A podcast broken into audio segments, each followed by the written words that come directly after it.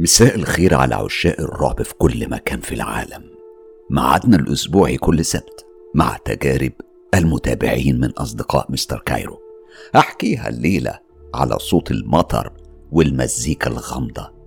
يا ترى جاهزين؟ طب يلا إيه؟ يلا بينا. لتجربة جديدة بيحكيها لنا أدمن القناة محمد لطفي. محمد الحقيقة بيحكي لنا على تجربة عاشها وعاصرها في صعيد مصر وأعادت صياغة الأحداث وهتحكيها لنا بقى بأسلوب أدبي جميل عشان نستمتع بيها. أديبة قناة مستر كايرو الرائعة صباح نصري أو نصري صباح. تعالوا نسمع محمد لطفي من مصر بيحكي لنا وبيقول لنا إيه. من غير أي مقدمات أنا محمد لطفي من مصر وقصتي اللي هحكيها أو تجربتي اللي عشتها بدأت سنة 1997 التاريخ ده ممكن يكون بالنسبة لكم تاريخ عادي يمكن بعضكم ما كانش لسه اتولد لسه وقت ما حصلت الأحداث دي لكنه بالنسبة لي تاريخ مستحيل هنساه لأنه تاريخ له ذكرى مرعبة ومؤثرة بسبب حاجتين. المذبحة اللي حصلت في الأقصر في معبد الكرنك وفندق فرعون وأكيد المذبحة دي لو دورتوا على الإنترنت هتلاقوا يعني حكايات كتير عنها. مذبحة معروفة ومستحيل هتتنسى وحصلت في الأقصر سنة 97 الأحداث بقى اللي حصلت دي كانت في سنة 2000 كنت بشتغل وقتها على المراكب اللي عندنا في الأقصر واللي ليها نمط معين يعني هي بتمشي من النيل من الأقصر لحد أسوان وبعدين ترجع للأقصر مرة تانية. وتفضل ماشية بالشكل ده ست ليالي أو سبع أيام. يعني أنا عايز أقول لكم اللي ما طلعش الرحلة دي أو النايل كروز ده فاتوا نص عمره. رحلة ممتعة. لكن بالنسبة لي أنا وفي التاريخ ده تحديدا حصلت لي بعض التجارب الغير طبيعية. تعالوا ما أحكي لكم عنها. المعروف عندنا والبرنامج بتاع المركب يعني المراكب بتتحرك من الأقصر وبتاخد طريقها لأسوان. أثناء مرورها بتعدي على إثنا وعلى إدفو وكومومبو علشان توصل لأسوان. طبعا الرجوع بيكون بالعكس وبرضه بنمر بنفس الأماكن اللي أنا حكيت عنها. أنا ساعتها كنت في أوضة المكتب جوه مركب في الكرنك في الأقصر والمرسى كان عند فندق فرعون. الفندق ده كان من ضمن الحادث الإرهابي اللي حصل في معبد الكرنك سنة 97 الحادث ده عشان أفكركم بيه آه يعني كان ضحاياه 57 شخص اتوفوا واستشهدوا من السياح. حوالي 23 مصاب كمان كانوا أصيبوا في الحادث ده. واللي نفذوا العملية دول آه كانوا ستة أو سبع أشخاص على ما أذكر. كانوا لابسين لبس أمن وبدأوا بأنهم يضربوا النار على السياح. وبسببهم حصلت كارثة فظيعة.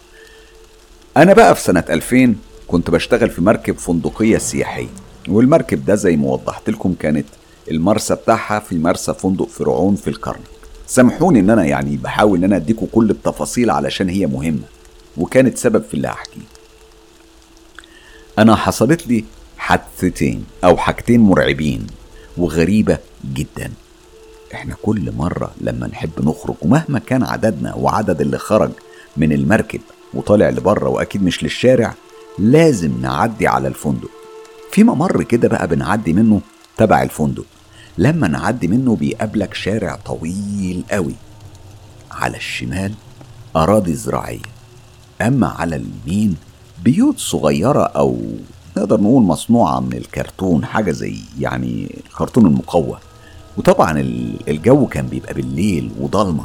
مفيش حتى ضوء القمر وده معناها إن مفيش نور خالص. كان عندنا أوامر أوامر من الإدارة بتاعة الفندق. بتقول إن لو وصلت الساعة تسعة بالليل ممنوع الخروج واللي عايز يخرج بيخرج على مسؤوليته. علشان وقتها كان في مشكلة وفي طار وده كان سبب اللي بيخوفونا منه ومفيش حد فينا يطلع من بعد تسعة بالليل عشان ما يحصلش حاجة. بسبب إن كان في واحد من زمايلنا اتصاب بالرصاص بالغلط. والحمد لله سبحانه وتعالى ربنا ستر ونجاه لكن من ساعة الحادثة دي ما بقاش في حد فينا بيطلع. وبعدين أنا نفسا أنا أنا أنا, أنا شخصيا ما بقيتش أطلع في الأقصر خالص. ولو حبيت أطلع كنت أطلع في الصبح بس. ومن غير كده ما كنتش بخرج ابدا. هوضح وأحكي ليه بالظبط. لكن بعدين علشان أنا بسبب آه الطار ده حصل لي موقف مرعب جدا مستحيل يصدقه العقل. أنا كل مرة أمر فيها من قدام الفندق بقلق وأحس إن جسمي كله أشعر. بحس نفسي كأني متراقب أو في عيون خفية أو في شخص بيبص عليا. الإحساس ده كان بيفضل ملازمني على طول. كنت بفضل حاسس إن أنا متراقب لحد ما أوصل للشارع. نفس الشعور كنت بمر بيه دايما. في اليوم التاني أنا كنت بشتغل عادي مفاجأة. وأنا شغال سمعت صويت وصريخ جامد جدا. المرعب إنه ما كانش صادر من شخص واحد لا. دي كانت مجموعة من الناس بتصرخ مرة واحدة. أنا عارف أنا سمعت إيه ومتأكد منه. أنا مت من الخوف واتخضيت واضطريت أسيب الشغل وكل حاجة واتلفت علشان أخرج. لكن زميلي وقفني وقال لي أستاذ محمد من فضلك ما تطلعش. رديت عليه وأنا لسه مخضوض. لا هو انت مش سامع صوت الصريخ ده كله؟ رد عليا بنبرة حادة ما تطلعش يا أستاذ محمد وهفهمك بعدين الكلام ده. الوقت تقريبا كان الساعة اتنين ونص بالليل. بعد كده حصلت لي أغرب حادثة. وقتها كنت أنا واقف وطبعا إحنا زي ما قلت عندنا شروط وتعليمات ولازم نلتزم بيها ومنها إنه ممنوع التدخين. فكنت لما أحب أدخن أطلع أقف على باب المركب ومكان الاستقبال كان قدام الباب بالظبط.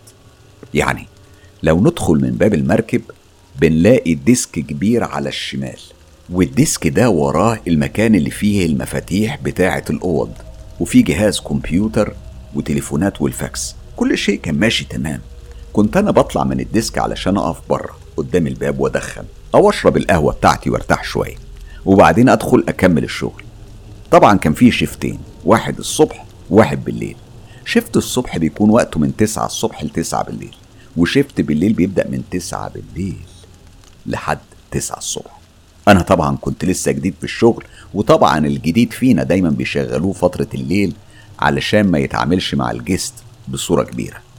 أغلب الشغل بتاعنا بيكون عبارة عن تسجيل الفواتير بتاعة المطعم وبتاعة البار وال food beverage وكل الفواتير دي بتتسجل وبتتقفل الحسابات. يعني عايز أقول يعني إن أغلبية الشغل بيبقى شغل إداري يعني.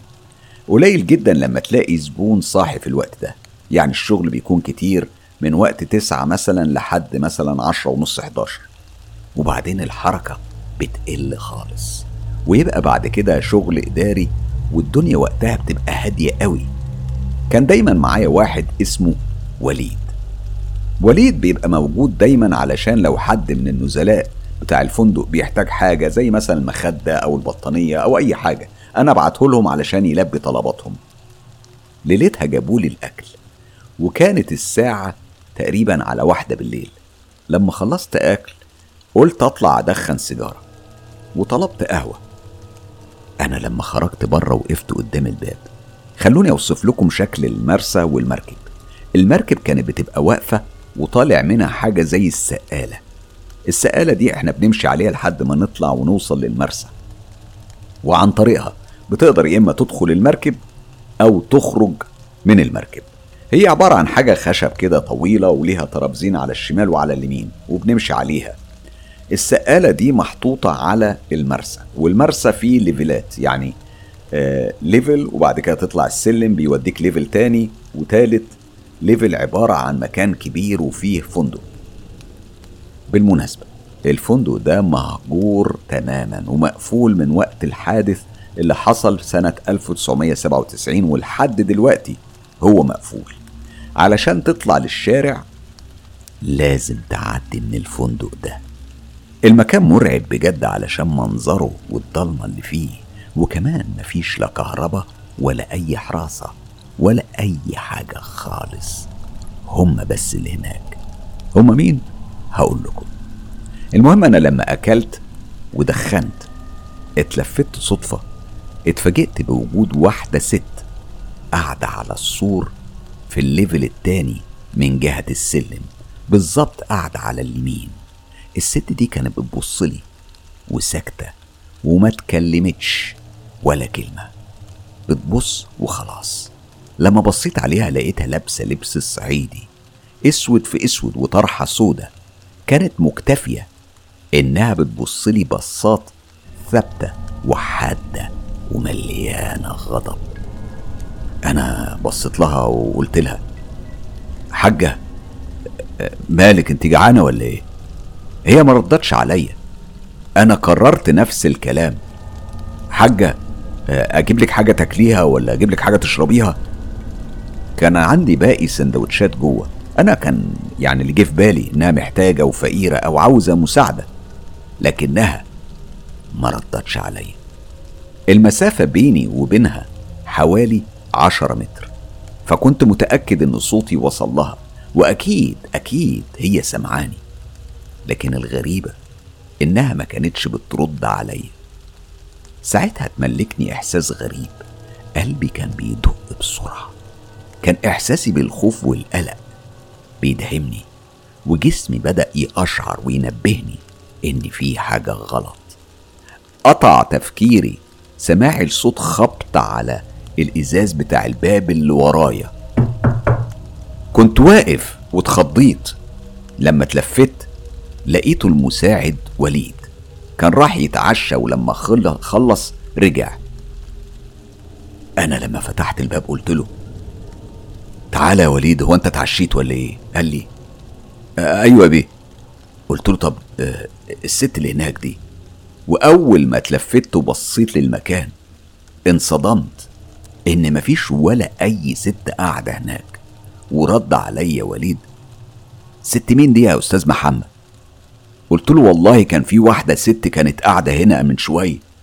دي كانت عمالة تبص لي وأنا أنا كنت مفكرها محتاجة وجعانة ولا عطشانة ولا حاجة. وليد بص لي وقال لي هي الست دي كانت لابسة إيه؟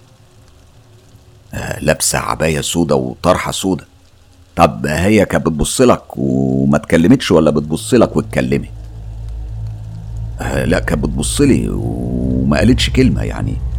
هو بس كان باين عليها إنها متضايقة وغضبانة قوي.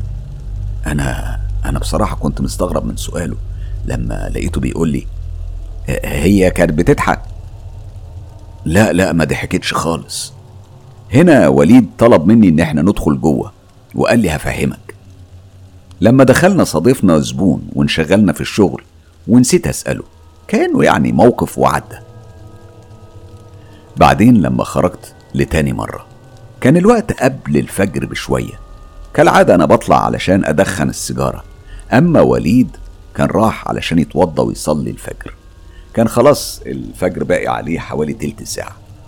وأنا بدخن ببص حواليا انصدمت بوجود نفس الست من تاني بس كانت قاعدة من ناحية الشمال.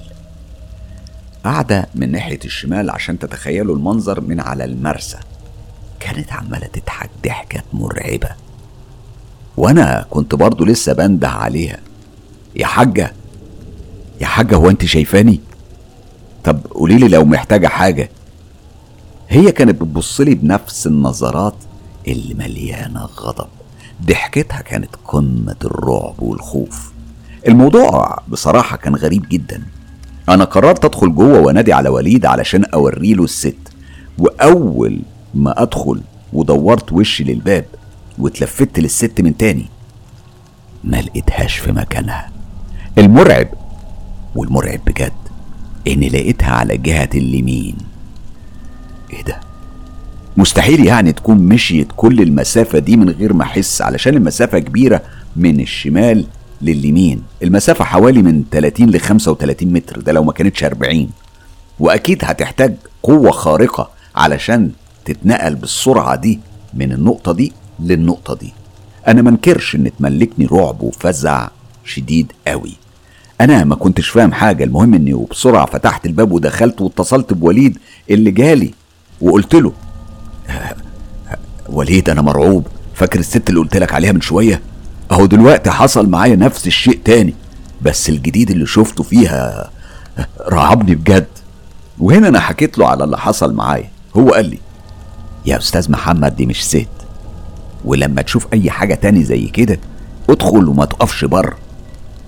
اللي قدامنا ده فندق فرعون اللي اتنفذ فيه العمل الإرهابي وماتت فيه ناس كتير ومن ساعتها وفي أوقات معينة بالليل بيحصل فيه صريخ وصويت وبنشوف قطط شكلها غريب والست اللي شفتها وكمان أنا أنا نفسي شفت راجل غريب بيظهر وفي ساعات كده جسم بيتمشى على المرسى من فوق من غير راس وبتسمع صوت حد بينادي عليك وأصوات كأنها بتكلمك من كل ناحية. ولما تبص حواليك ما بتشوفش حاجة وبتظهر فيه حاجات أكتر من كده بالليل وكل اللي هنا عارفين وأنت علشان حضرتك جديد بس ومش عارف خفت واستغربت. احمد ربنا إن ما حصلكش حاجة علشان في ناس كتير اتأذت وفي ناس انتحرت واللي اتجننت بسبب الحاجات اللي شافوها. ده في منهم كمان اللي اتلبسوا كمان. أستاذ محمد اسمعني لو عاوز تشرب السجاير اطلع من الباب التاني من ناحية النيل وبرضه ما تتأخرش وخلي بالك علشان النيل كمان له خبايا وأسرار وله حاجات يعني بص هو الأفضل يعني إنك تبطل السجاير. أنا بعد الكلام المرعب ده اللي سمعته من وليد بدل ما أسكت قام دفعني فضولي أكتر وحبيت أعرف أكتر فقلت له اسمع أنا عايزك تحكي لي على كل حاجة وما تخلينيش كده في غفلة يعني مش فاهم اللي بيحصل حواليا. أنت عارف إن أنا جديد ومش فاهم. بص يا أستاذ وليد بتحصل هنا حاجات غريبة فعلا. وأنا مش عارف لو أنت يعني بتصدق في الكلام والحاجات دي ولا لأ لكن فعلا هنا حاجات كده بالمنطق يعني العقل يرفضها. مستحيل تصدقها. أستاذ محمد والنبي اسمع كلامي وخد نصيحتي. حاول ما تطلعش بالليل كتير. ولو عايز تدخل يعني سجارة ولا حاجة دخنها بسرعة وادخل على طول. وحاول إنك ما تطلعش من ناحية الباب اللي بيطل على المرسى أنا قلت لك قبل كده اطلع من الباب التاني. أنا عارف إنك بتقف عند الباب بتاع المرسى ده علشان تكون قريب من الاستقبال وتسمع التليفون لو رن وما يحصلش معاك في الشغل مشاكل. وأنا يعني بأكد على كلامي. بجد لو عاوز تدخن أنا موجود. يبقى قول لي خلي بالي أنا لو التليفون رن وهبقى أجي أندهلك. واشاور لك. أنا بسبب الكلام ده ما بقتش أتلم على أعصابي. كنت مرعوب جدا. الموضوع كان مش هين. كان زي الحاجة اللي بتحصل لك مرة واحدة في حياتك وتفضل فاكرها وعمرك ما هتنساها. ربنا يعلم أنا جسمي إزاي كان كله بيقشعر. وأنا بحكي القصة كأنها حصلت من شوية. من قوة الرعب والفزع اللي أنا مريت بيه وعشت وقتها. هي ممكن طبعا تكون حاجة عادية خالص لبعض الناس لكن الأحداث والأصوات اللي بتشبه كمان صوت الأفاعي اللي موجودة في المكان خصوصا مع الست دي اللي كانت بتظهر كانت بتحسسك إن في حاجة غلط حاجة مش طبيعية حاجة مش صح حواليك. كنت بتحس إن فيه أذى هيحصل لك. تصدقوني لو قلت لكم إني لسه بسمع ضحكتها لحد دلوقتي بترن في وداني بشكل مخيف جدا. حتى وأنا بحكي لك دلوقتي يا أستاذ حسام افتكرت كل حاجة. ضحكتها كانت مرعبة بالفعل. مستحيل أقدر أفسر الضحكة دي. إن كانت ضحكة عادية أو شريرة وشيطانية. بس صوت الضحكة في حد ذاتها أنا الصراحة عمري ما سمعت صوت ضحكة بالشكل ده ابدا. التجربة اللي حكيتها دي هي أول حاجة حصلت لي في الأقصر وهي من ضمن الحاجات اللي مستحيل هنساها. كمان موضوع المرسى بتاع فندق فرعون أنا بعتبره من أكتر الحاجات المرعبة اللي قابلتها في حياتي. ده غير اللي شفته في الواحات البحرية لما كنت فندق مدير فندق هناك ووقتها كان في برضه حادثة الواحات لأني وقتها كنت بشتغل في الصحراء والرعب بقى بتاع الصحراء ده رعب تاني ليفل جديد شيء مخيف بجد. أنا عشقي للرعب هو اللي دفعني أنضم ل group تجربة رعب مستر كايرو واللي دفعني من كتر حبي للرعب إني أتكلم دايما مع مستر حسام عن الأحداث اللي عشتها معايا. أنا بشكر الصديق وال admin الاحترافي محمد لطفي على إنه شاركنا تجربة واحدة من تجاربه الكتير اللي ناوي يحكي لنا عنها في الفترة اللي جاية. طبعا لازم أشكر صباح نصري أو نصري صباح أديبة قناة مستر كايرو اللي دايما بتمتعنا بأسلوبها الأدبي الجميل في إعادة صياغة أحداث التجارب اللي بيعيشوها أصدقائنا. التجربة لمحمد أبو مروان اللي بيقول أنا محمد أبو مروان صديق ومتابع من زمان لقناة مستر كايرو. تجربتي بدأت وأنا عمري صغير شوية كنت حوالي 16 سنة. وقتها كنا ساكنين في أرض زراعية وأرياف يعني أرض فلاحين. أنا فاكر كويس الأيام دي علشان لما حصلت الأحداث دي كنا في موسم حصاد القمح. وأكيد كنا بنشتغل مع بعض أنا وإخواتي ووالدي وناس تانية. الحصاد كان بيتم بالليل علشان نتفادى أشعة الشمس الحارقة والقوية. وبعد ما بنخلص الشغل وبنخلص كل الحصاد بنروح للبيت. أنا ليلتها روحت مع والدي وبالظبط كنا ماشيين على السكة الحديد يعني على الطريق الزراعي. من جهة الشمال في سكة حديد. أما بقى جهة اليمين ففيها أراضي زراعية. كنا بنفضل ماشيين لمسافة طويلة ويوميها وتحديدا ليلتها فضلنا ماشيين لحد ما وصلنا لمنطقة ما فيهاش بيوت ولا سكان وكانت الضلمة طاغية تماما على المكان. مفيش ولا نور ولا أي حاجة تخلينا نشوف الطريق قدامنا غير القمر اللي في السماء والنجوم. وأنا ماشي مع أبويا بصيت ناحية المنطقة الضلمة دي. وهنا شفت راجل لابس عباية بيضة قاعد بيلف وبيدور في مساحة أرض كبيرة لكن اللي لفت نظري الطريقة اللي بيلف بيها. الراجل ده كان بيلف بسرعة رهيبة بيلف ويلف يعني يمكن لف أكتر من عشرين لفة وفي وقت قصير جدا.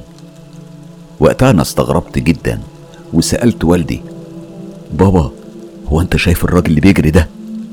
بابا بص على المكان اللي أنا شاورت له عليه وقال لي أنا مش شايف حاجة يا ابني هو أنت شايف إيه؟ أنا رديت عليه إزاي بس؟ إزاي يا بابا؟ طب بص كويس ده الراجل قريب مننا جدا أهو أنت إزاي ما شفتهوش؟ لكن والدي طنشني وقال لي يلا يا ابني نكمل طريقنا وما تاخدش في بالك أنا كنت حاسس إن أبويا شاف اللي أنا شفته وكأنه عارف حاجة ومش عايزني أعرف علشان ما أخافش. فضلنا ماشيين على طول المسافة ولاحظت إن إحنا لما بنوصل منطقة فيها نور أنا ما بشوفش الراجل ده خالص مع إني عارف إنه ماشي ورايا. الوضع ده فضل لحد ما وصلنا البيت. المنطقة اللي بتكون فيها ضلمة وما فيهاش نور أبص ألاقيه واقف وباين. هو يعني ما ظهرش من الراجل ده أي أذى. هو كان مجرد خيال راجل بيتابع فينا وخلاص فيما يبدو. المنطقة هنا مشهورة إن فيها سكة حديد ودايما بيحصل فيها حوادث زي مثلا اللي بيقع من القطر واللي بيتخبط فيه وبيموت وكتير كتير من الأحداث دي بتحصل هنا. المهم وفي نفس المكان ده برضه فاكر وقتها إن أبويا طلب مني حاجة أجيبها له. الوقت كان بالليل ومتأخر وإحنا البلد عندنا مقسومة نصين.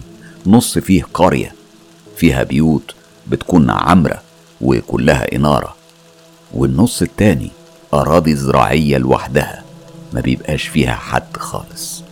وأنا لما كنت ماشي ودخلت لنفس المنطقة دي بمسافة معينة قابلت راجل راكب على حمار لكني ما قدرتش أشوف وشه علشان كان لابس حاجة مغطياه ولاففها حوالين وشه. أنا قلت له السلام عليكم يا حاج. بس هو ما ردش عليا السلام. كان مكتفي إنه يبص عليا وبس لدرجة إني حسيت إن أنا مش في أمان. أنا من خوفي قمت أجري وكل ما أجري بقوة كنت ألاقيه قدامي. وكل ما أزود في الجري كمان ألاقيه قدامي. قلبي كان هيخرج من مكانه من شدة الخوف والجري. أنا فاكر إن أنا جريت وجريت وجريت لحد ما وصلت لمنطقة فيها سكان ونور. ولما اتلفت لقيته خلاص اختفى وملهوش أي أثر.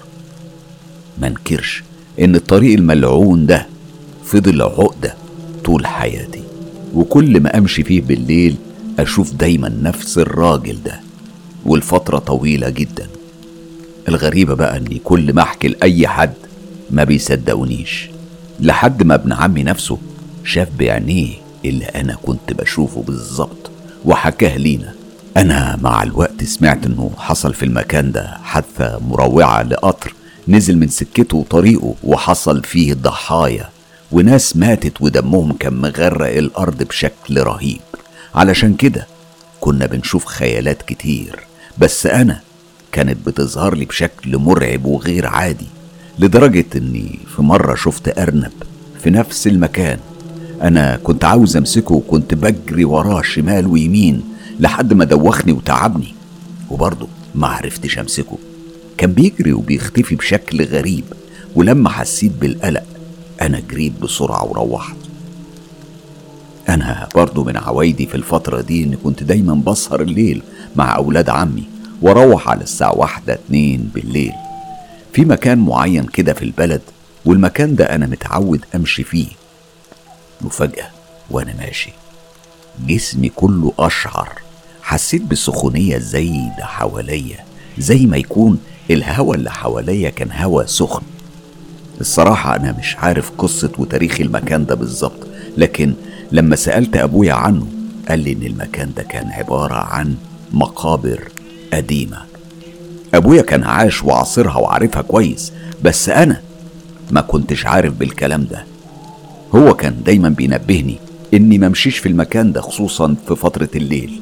والمشكلة إن كل الحاجات دي اللي بتحصل لي وبشوفها بقت بشوفها مش بس في الشارع مش بس في الطريق لا دلوقتي بقيت بشوفهم حتى في البيت.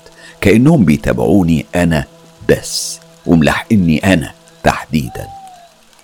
أنا كنت لما أكون نايم لوحدي اللي كنت أشوفه بره بيحضر معايا في البيت. لكن أنا لازم أقول إن مفيش أي أذى منهم ليا لحد دلوقتي. لكني كنت دايما بشوفهم. والموضوع اللي أثر فيا جامد وأنا كبير خصوصا لما حصل لي نصيب وسافرت لدولة جيبوتي. والسفر كان لمدة تسع سنين وعلى مراحل. يعني مش تسع سنين متواصلة. وفي مرة وفي سنة من السنين دول أنا رحت المنطقة ما فيهاش عمار كان فيها وقتها إعانات تانية من الدول ومن رجال الأعمال كانوا بيساعدونا مثلا في بناء بعض البيوت لوجه الله سبحانه وتعالى علشان خاطر الناس الغلابة في جيبوتي. المشروع ده كان عبارة عن مية بيت ومستوصف ومسجد والمكان ده كان مهجور خالص واسمه منطقة لج عسل في جيبوتي. المنطقة دي قريبة جنب منطقة على الخريطة اسمها قبة الخراب. يعني لو أنتم دخلتوا على الخريطة هتلاقوا الاسم ده موجود ومعروف. هي منطقة قريبة كمان من اليمن. واللي عرفته بعد كده إن المكان ده مشهور بالجن. إحنا كنا تقريبا خمسين عامل مصري وعايشين في المكان ده وكل حاجتنا من أكل وشرب بتجيلنا من البلد. إحنا كنا مقيمين هناك بنشتغل وبننام في نفس الموقع. وحتى لما بنحب نتصل بأهالينا كان كل واحد فينا بيبعد عن التاني ويشوف مكان يقعد فيه علشان يلاقي راحته مع عيلته. مع العلم إن المكان ده ما فيهوش أي إضاءة خالص. كان عندنا بس مولد كهرباء بيشتغل بالنهار وعلى الساعة تسعة بالليل كل الأنوار بتطفى والمكان بيكون ضلمة. وما فيهوش نور نهائي. طبعا كان يوم الخميس وبنحب نتصل بأهالينا وكل واحد زي ما قلت لكم بيبعد بمسافة علشان يتكلم براحته. في مرة أنا لمحت حاجة بتلمع كأنها بتضوي في نص الليل زي الدهب أنا أخدني الفضول معرفش إيه اللي خلاني أمشي وراها. الحاجة دي كانت بتتسحب وبتتسحب وأنا كنت ماشي وراها وهي بتمشي وبتتحرك وأنا متابع وراها زي ما تكون بتجر فيا جر. لحد ما وصلتني المكان قرب الجبل وبعيد عن موقع شغلي وإقامتي. وأخيرا مسكتها. وفي لحظة اتفاجئت براجل واقف وبيكلمني. أنا ما كنتش فاهم هو بيقول إيه بالظبط لكنه أخد مني القطعة اللي كانت بتضوي زي الذهب. أنا خفت جدا وحاولت أرجع للموقع بس أنا كنت زي التايه في نص الليل والضلمة. كنت بجري يمين وشمال مش عارف الطريق ولا شايف قدامي ولا شايف حتى البيوت. مع إن المسافة مش بعيدة لدرجة إني أتوه بالشكل ده. وما حسيتش بحاجة غير بعد ما أغمى عليا وما عرفتش حصل لي إيه بعدها. الصبح كل زمايلي كانوا خرجوا بيفتشوا عني بيدوروا عليا. وفي الآخر لقوني مرمي ونايم قرب الجبل وبعيد عن البيوت تماما. لما صحوني حكيت لهم على اللي حصل لكن للأسف هما ما صدقونيش. الموضوع ده اتكرر معايا أكتر من مرة. بصوا في مرة أنا كنت بكلم عيلتي وطبعا كنت بعيد عن الموقع علشان أدور على الشبكة مع العلم إن المكان مشهور بالجن واتفاجئت إن واحد من زمايلي جه وقعد جنبي. لكن لما كنت بكلمه ما كانش بيرد عليا كان قاعد وبس. أنا مركزتش معاه وقتها وفجأة لقيته بيصرخ في وشي صرخة لدرجة إني اتفزعت وقمت. لما بصيت حواليا ما لقيتش ولا حد جنبي حتى زميلي ده اختفى. كنت بنده عليه وانده لكن ما كانش فيه أي رد. هنا أنا قررت أسيب المكان وأجري وأجري لغاية ما وصلت للموقع وحكيت لزمايلي اللي هم بدورهم نبهوني إني ما أروحش للمكان ده خالص. قلت لهم طب فهموني ليه يا جماعة؟ قالوا لي ما تروحش لهناك وخلاص. بعد كده عرفت إن كل واحد من زمايلي حصل له موقف مشابه ومرعب في المكان ده. في مكان الشغل كان في عندنا راجل كبير مهمته هي حراسة المولد الكهربائي بالليل. لما كلمته وحكيت له قال لي ما تقلقش المكان ده صحيح فيه جن لكنه مش مؤذي. هم مؤذيين على أصحاب المكان نفسه. أما بالنسبة لكم هما بس بيحاولوا يخوفوكم وبس. وقال لي كمان إن في واحد من الجن بيجي دايما ويصحيه في وقت أذان الفجر وبيقول له قوم أذن. وتقريبا بيجيله كل يوم وقال لي كمان إنه اتعود عليه. الراجل نبهني كمان إن لو أنا في يوم من الأيام ظهرت لي حاجة بتلمع أو غريبة أبدا ما امشيش وراها علشان ما يحاولوش ياخدوني أو يجروني ليهم ويبعدوني عن المنطقة اللي أنا فيها. هقول لكم موقف كمان. في مرة أنا كنت في منطقة اسمها أوبك ودي محافظة في جيبوتي. هي منطقة قريبة جدا من منطقة باب المندب وكان عندي وقتها هناك يعني شغل لمدة أسبوع كامل. ولما رحت كنت راجع أنا والسواق. الطريق كان صعب جدا. كانت المسافة بين لج العسل اللي أنا كنت قاعد فيها وبين منطقة الأوبك بعيدة قوي تقريبا حوالي ساعتين مشي بالعربية. وإحنا راجعين ظهر لنا جمل ضخم قوي من العدم في قلب الطريق. السواق وقف العربية ونزل علشان يهشه من قدامنا وفجأة الجمل قام بيجري علينا ودخل براسه في قلب العربية. لكن الغريبة جدا واللي حد واللي لحد اللحظة دي مش قادر أستوعبه. عدى منها من غير ما يلمسني. كأنه خيال أو سراب أو ريح عدى علينا. إحنا من شدة رعبنا. أخدنا بعضنا وجرينا بالعربية لحد ما انحرفنا عن الطريق واتخبطنا في صخرة وفضلنا على الحال ده ليل كامل لغاية الصبح.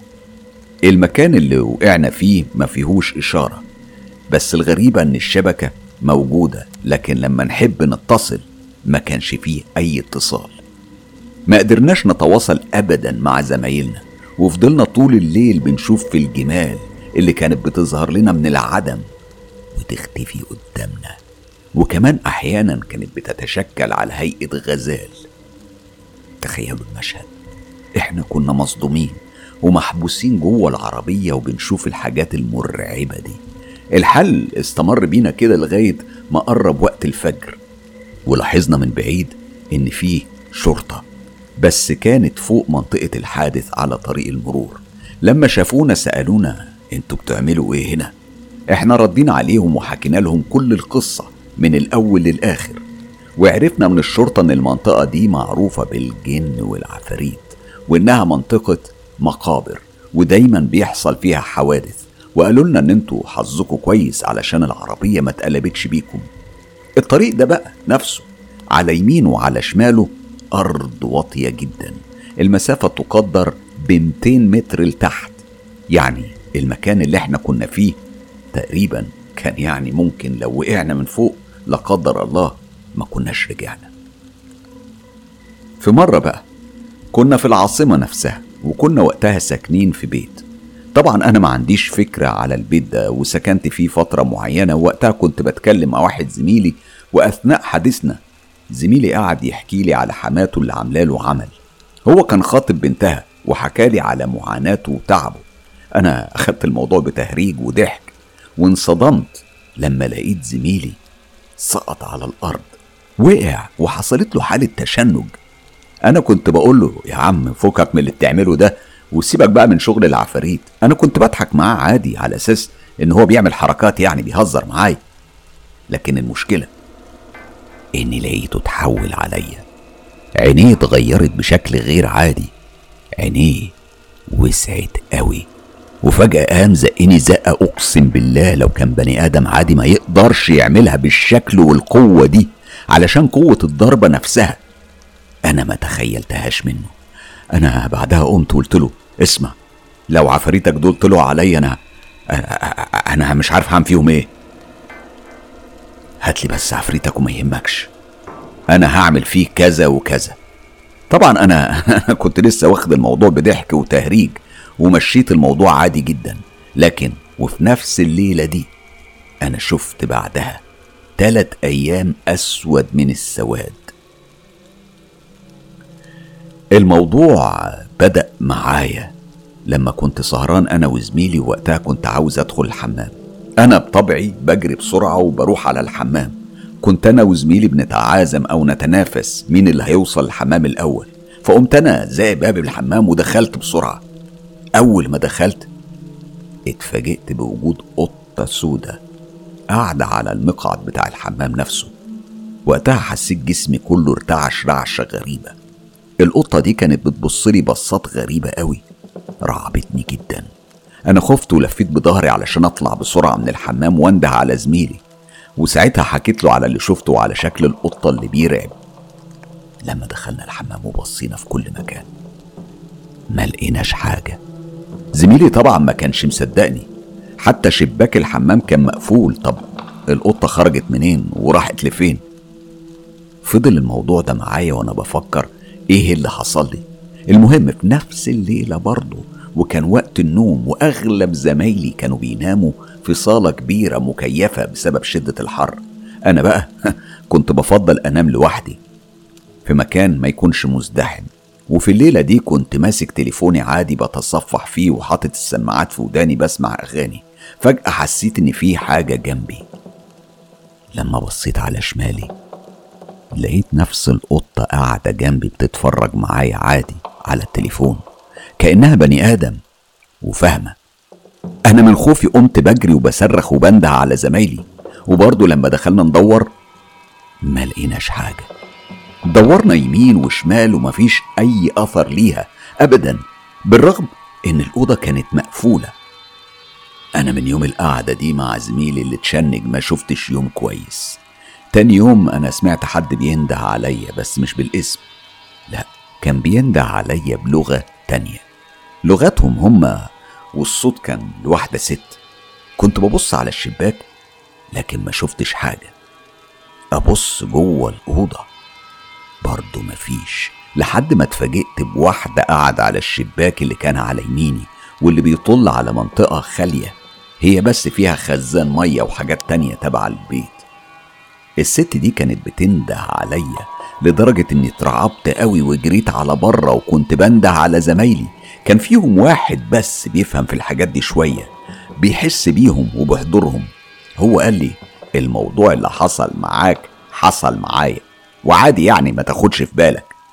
قلت له والله في واحدة هنا أنا بقول لك ندهت عليا. إحنا بعدين اكتشفنا إن البيت ده صاحبته دخلوا عليها حرامية ولما شافتهم الست قاموا قتلوها في المطبخ.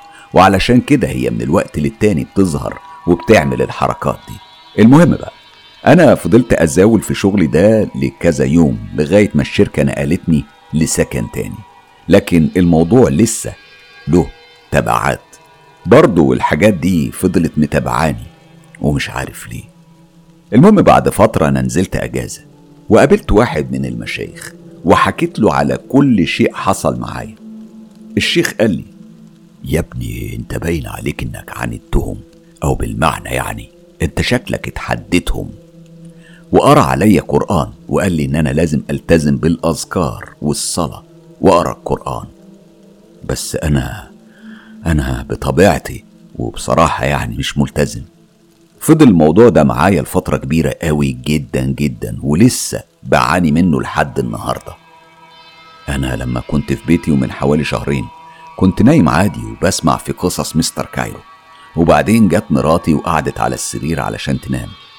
وسألتني هو مين اللي كان معاك في الأوضة؟ أنا طبعا كنت مغمض عينيا وما شفتش حاجة وقلت لها مين إيه يا بنتي؟ ما فيش حد غيرك أنت والولاد. وبعدين بصت على الأولاد ولقتهم نايمين في مكانهم. رجعت قالت لي طب مين اللي كان قاعد على ركبه كده جنبك وجنب السرير وكأنه قاعد وبيبص لك. أنا قلت لها أنت بتقولي إيه؟ أنا مش عارف بتتكلم فيه أصلا. لكن الموضوع ده اتكرر معايا كذا مرة خصوصا لما أحب أنام وأشغل قصص مستر كايرو علشان أنا بحب أسمع حلقاته. بعد ما بتتسمع أول مرة live بحب أكررها تاني وأنام عليها. وفجأة حسيت إن في حد جنبي. اتلفت على شمالي. لقيت نفس الخيال قاعد على ركبه وهو قصير. الصراحة يعني ده اللي أنا خدت بالي منه. مش عارف المهم يعني هو كان جنبي على الأرض زي ما مراتي بتوصفه. وبرضه وفجأة اختفى. هو كان عبارة عن كيان أسود مش قادر أحدد ملامحه. أما دلوقتي وفي الوقت الحالي واللي جد عليا إني عايش في بيت جديد المدخل بتاعه بتلاقي مباشرة قدامك الصالة. على يميني أوضة الأطفال وعلى شمالي مطبخ وحمام وأوضة النوم اللي بيفصل ما بينهم هو طرقة صغيرة. أنا قبل ما أشوف حاجة مراتي هي اللي شافت وقالت لي إن في حد خرج من المطبخ ووقف في الطرقة وكان واقف وبيبص لي المدة. هي قالت لي أنا كنت مفكرك أنت وكنت بتكلم معاك وأندهلك وما كنتش شايفاك كويس. لكن الشخص ده فضل ساكت وقام ودخل الحمام ورزع الباب وراه بقوة. وده هو الجديد عندي في الوقت الحالي. بصراحة أنا ما صدقتش كلامها وقلت عادي يمكن بس بتحاول تشتغلني. هي عارفة إن أنا بحب قصص الرعب فيمكن بتحاول تضحك معايا أو تعمل فيها مقلب وطنشت. لكن أنا بعد فترة شفت نفس الموقف ونفس الشكل وتكرر معايا.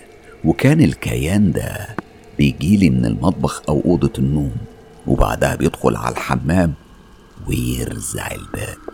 أنا أصلا بيتي موجود على طرف أرض زراعية في آخر البلد والمنطقة تقريبا خالية من السكان. أنا بنيت البيت ده على عدة مراحل كانت مرحلة يعني منهم مرحلة صعبة. وشطبت وكل حاجة لكني ما سكنتش فيه إلا من بعد خمس سنين. ولما عشنا فيه والله بقالنا يعني فترة في البيت ده ما بقدرش أقعد في أوضة النوم. دايما بنام جنب الولاد. أوضة النوم والمطبخ والحمام ما بقدرش أقعد فيهم ساعتين على بعض. مستحيل أنام في أوضتي وأنا مرتاح. دايما بشوف فيها حاجات وكأن الأوضة دي مسكونة. دايما بيكون إحساسي إني قلقان وخايف. كنت بدخل بسرعة أخد حاجتي من الدولاب وأغير هدومي وأتسرح قدام المراية وأخرج بسرعة وما استناش لحظة. وعارفين؟ مستحيل مستحيل أبات فيها لا أنا ولا مراتي ولا ولادي أنا كنت بحس بيهم ولو ما حسيتش بيهم بشوفهم بشوفهم لأني بحس بنفس عميق وسخن أول ما أحط راسي على المخدة وأسمع مزيكا. صح في قلق وخوف بس مش لدرجة إني أهرب. علشان أنا بصراحة يعني ما شفتش منهم أذية لحد دلوقتي. عارفين بقى الغريب إيه؟ الغريبة إني بصراحة حبيت وجودهم. مع الأيام لما سألت واحد من الشيوخ قال لي الأوضة دي فيها عمار البيت. وأنا لازم أجي وأقرأ القرآن في بيتكم. طبعا في مشايخ ملتزمة ومشايخ ما بتتصدقش وفي مشايخ بدل ما يحلوا المشكلة بيعقدوها. وأنا الصراحة خايف إني أدخل حد لبيتي أو بالمعنى يعني مش عايز أصرف اللي في بيتي لأني حابب وجودهم بالرغم من إني خايف منهم. بقالي أكتر من ثلاث سنين لا يمكن ومستحيل إني أبات في الأوضة دي. والكيان ده لسه موجود فيها لحد النهاردة. بيخرج من المطبخ ويدخل الحمام. لكني زي ما قلت قبل كده مفيش أي أذى منه إطلاقا لحد دلوقتي. أنا ليا قصص ومواقف شبيهة باللي بيحصل لي ومرعبة ولا عمري هنساها. مثلا زمان لما كنت في الجيش بأدي الخدمة العسكرية. كنت في منطقة في اسكندرية اسمها منطقة أبو قير دي منطقة صعبة وياما شفت فيها كتير. وكانت فيها منطقة قريبة. هي تعتبر يعني منطقة مهجورة. ولا حد فينا كان بينزلها. وكانت خدمة الحراسة عليها من بره وبس. أحيانا بقى كنا بننزل للمنطقة أو زي ما بنسميها الزمزمية بتاعت المية علشان نملى المية ونرجع. لكن ما كناش بنمشي منفردين على الأقل كان لازم نكون اتنين أو تلاتة مع بعض. في مرة اضطريت إني أنزل لوحدي وأملى المية. وأنا مشغول اتفاجئت بعسكري قاعد بس العسكري ده مش معروف عندنا علشان أنا عارف كل زمايلي. الشخص ده أنا متأكد إنه غريب عننا. هو كان لابس لبس الجيش عادي. أنا سألته يا دفعة أنت من أي منطقة ومنين جيت؟ وإيه وضعك هنا بالظبط؟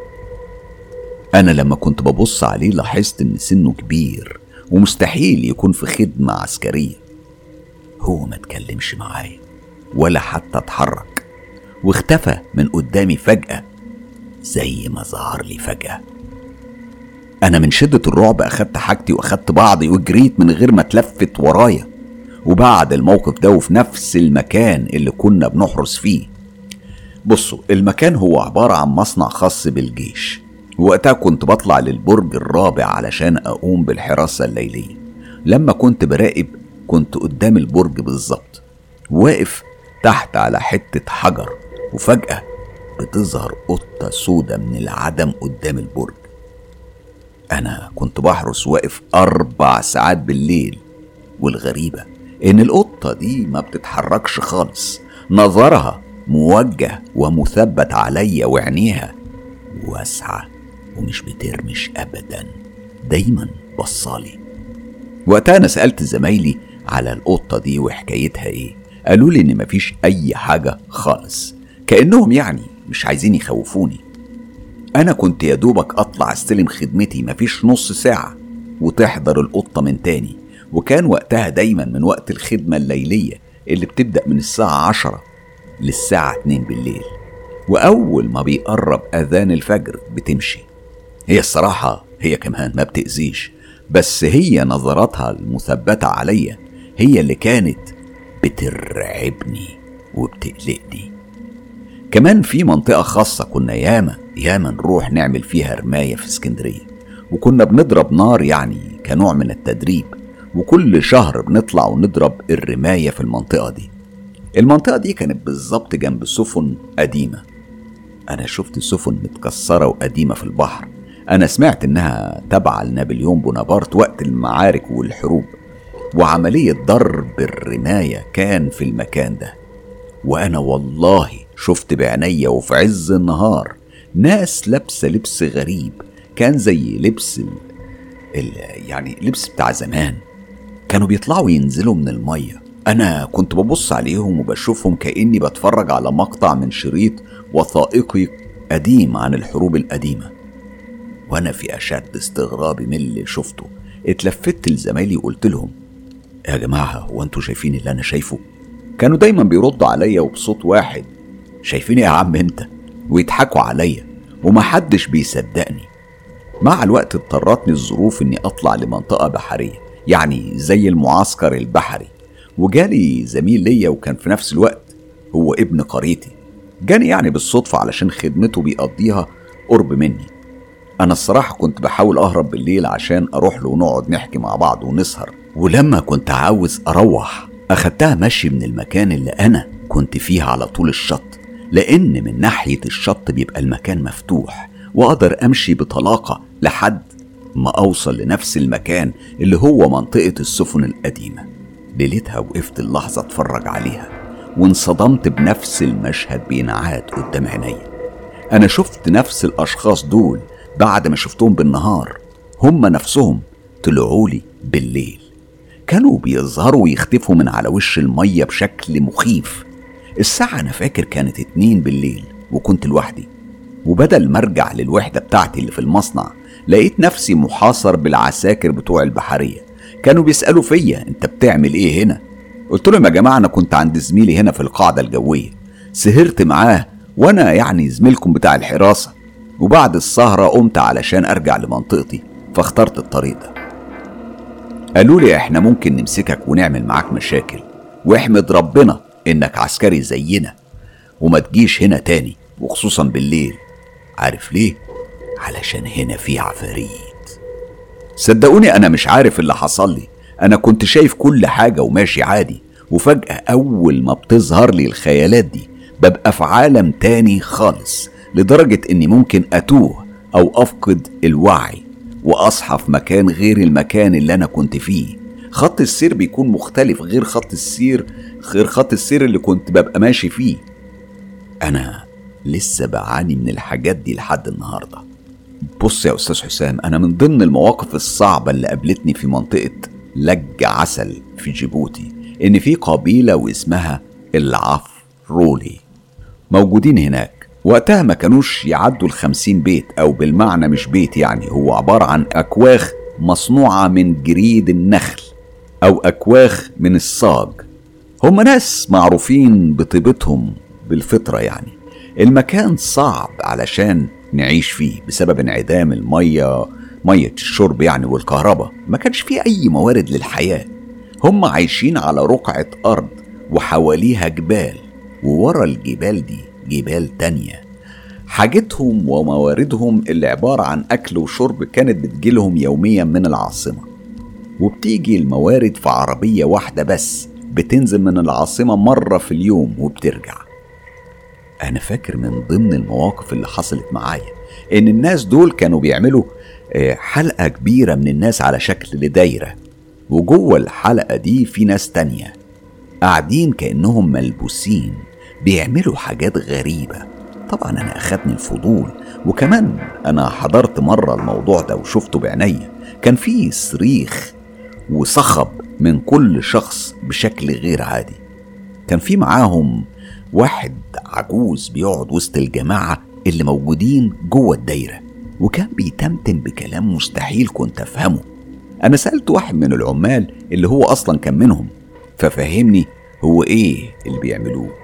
هو قال لي إن الناس اللي جوه الدايرة دي عليهم جن وبيحاولوا يطلعوا الجن اللي فيهم بالطقوس اللي ذكرتها قبل كده. وهنا حصل معايا شيء غريب ومرعب. لما كنت واقف وقتها مع زميلي بنتمشى حوالين نفس المكان والموقع كنا في نفس الوقت بندور على شبكة علشان نكلم أهالينا وإحنا ماشيين. اتصدمنا من ظهور ناس كده من العدم. الناس دي كانوا عاملين نفس الدايرة. وكمان الناس اللي عليها جن كانوا في قلب الدايرة وحتى الطقوس كنت بسمع وبشوف فيها عادي. والله والله أنا صدقت عينيا وصدقت إن المشهد حقيقي. أنا اتفاجئت بيهم ومن غير ما أفكر قلت لزميلي يلا نروح ناحيتهم. وبالفعل إحنا رحنا وقربنا منهم كنا بنمشي بحذر لكن بعد ما قربنا زميلي حس بالخوف والقلق.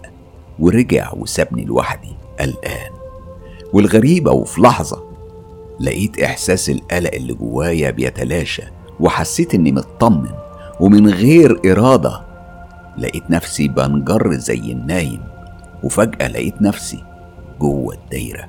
وكل اللي حواليا بقوا دخان أسود كانوا عبارة عن دوامات بتدور حواليا بسرعة لدرجة إني بقيت بشوف جماجم سودة جوه الدوامات دي. أنا فضلت على الحال ده لوقت طويل مش هقدر أحدده. لكن الحمد لله لما جه وقت النوم والحراس راحوا يقفلوا السكن. لكن قبل ما يقفلوا الباب بيلفوا.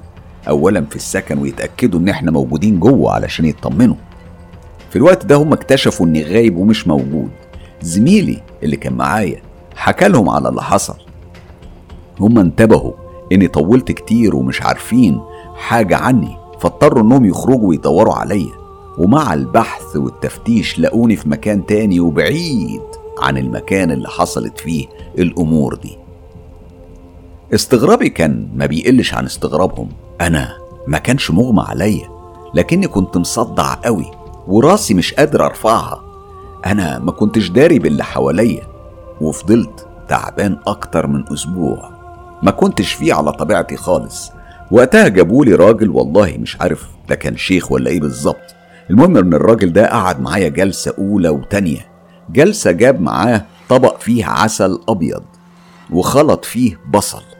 وقعد يتمتم بكلام عليه وخلاني آكل منه وقال لي كل منها قبل ما تنام الصراحة أنا ما كنتش مصدقه ولا حتى مقتنع بيه لدرجة إني رميت الطبق واللي فيه وما نفذتش أي حاجة من كلامه. كل ده حصل معايا أنا شخصيا من بعدها. بقيت بشوف خيالات في كل مكان وبشكل يومي لدرجة إني كنت خلاص هتجنن. كنت فاقد التركيز وشارد الذهن وصداع مستمر. والحمد لله سبحانه وتعالى. مع الأيام اتحسنت ومش مصدق إني بخير وما متش وقتها. أنا اللي حصل معايا يعني دايما بشوفه كأنه حلم ومش حقيقي. كنت بتمنى أخرج من الحلم ده بأي شكل. على فكرة ده مش الموقف الوحيد. في مواقف شبيهة بكده حصلت مع زميلي وهبقى أحكيها لكم علشان كل الكلام ده ما حصلش معايا لوحدي لكنه حصل مع زمايلي كمان مع اختلافات بسيطة. أنا كل يوم مع كل التجارب اللي عشتها دي عندي يقين إن إحنا مش لوحدينا في العالم ده. أبو مروان واضح من التجارب اللي بعتها لنا والأحداث اللي عشتها إن فعلا إحنا مش لوحدنا في العالم ده ودي كلمة أنا دايما بقولها في قناة مستر كايرو وبجهز لكم مفاجآت في شهر سبتمبر. الحقيقة هحكي لكم على تجارب مصري في الغربة وتحديدا في مدينة الضباب في لندن. هحكي لكم على تجارب أنا عشتها بنفسي وشفت فيها حاجات شبيهة باللي كان بيحكي عنها أبو مروان. علشان كده أنا مش مستغرب من كل الأحداث اللي حكالنا عنها. استعدوا لأن سبتمبر اللي جاي هيكون سبتمبر مرعب قوي. لو عندكم تجارب حقيقية وحصلت بالفعل ليكم أو لحد من أصحابكم وحابين تشاركوا بيها أصدقاء مستر كايرو. ابعتوا التجارب على الصفحة الرسمية للإعلامي حسام مصباح على موقع التواصل الاجتماعي فيسبوك أقول لكم بقى على سر أفضل طريقة علشان تحكي قصتك إن أنت تبعتها على تطبيق تليجرام لو بصيتوا على القناة من فوق في ال banner اللي مكتوب عليه مستر كايرو هتلاقوا فيه بند مكتوب عليه اكتب قصتك هنا. وفعلا هتوصلني قصتك مباشرة من خلال تطبيق تليجرام كل الروابط دي عموما موجودة في خانة الوصف. وللحصول بقى على الحصريات. انضموا ل group تجربة رعب مستر كايرو على فيسبوك وكمان صفحة هستيريا قصص رعب. ولو حابب تدعم تجربة مستر كايرو سهلة جدا. ادعموا بالاشتراك في القناة والإعجاب بالكليب. طبعا لو عجبكم و share الكليب ده في كل مكان واتساب ماسنجر إنستجرام وأخيرا تليجرام خلي الدنيا كلها تعيش تجربة مستر كايرو, كايرو, كايرو.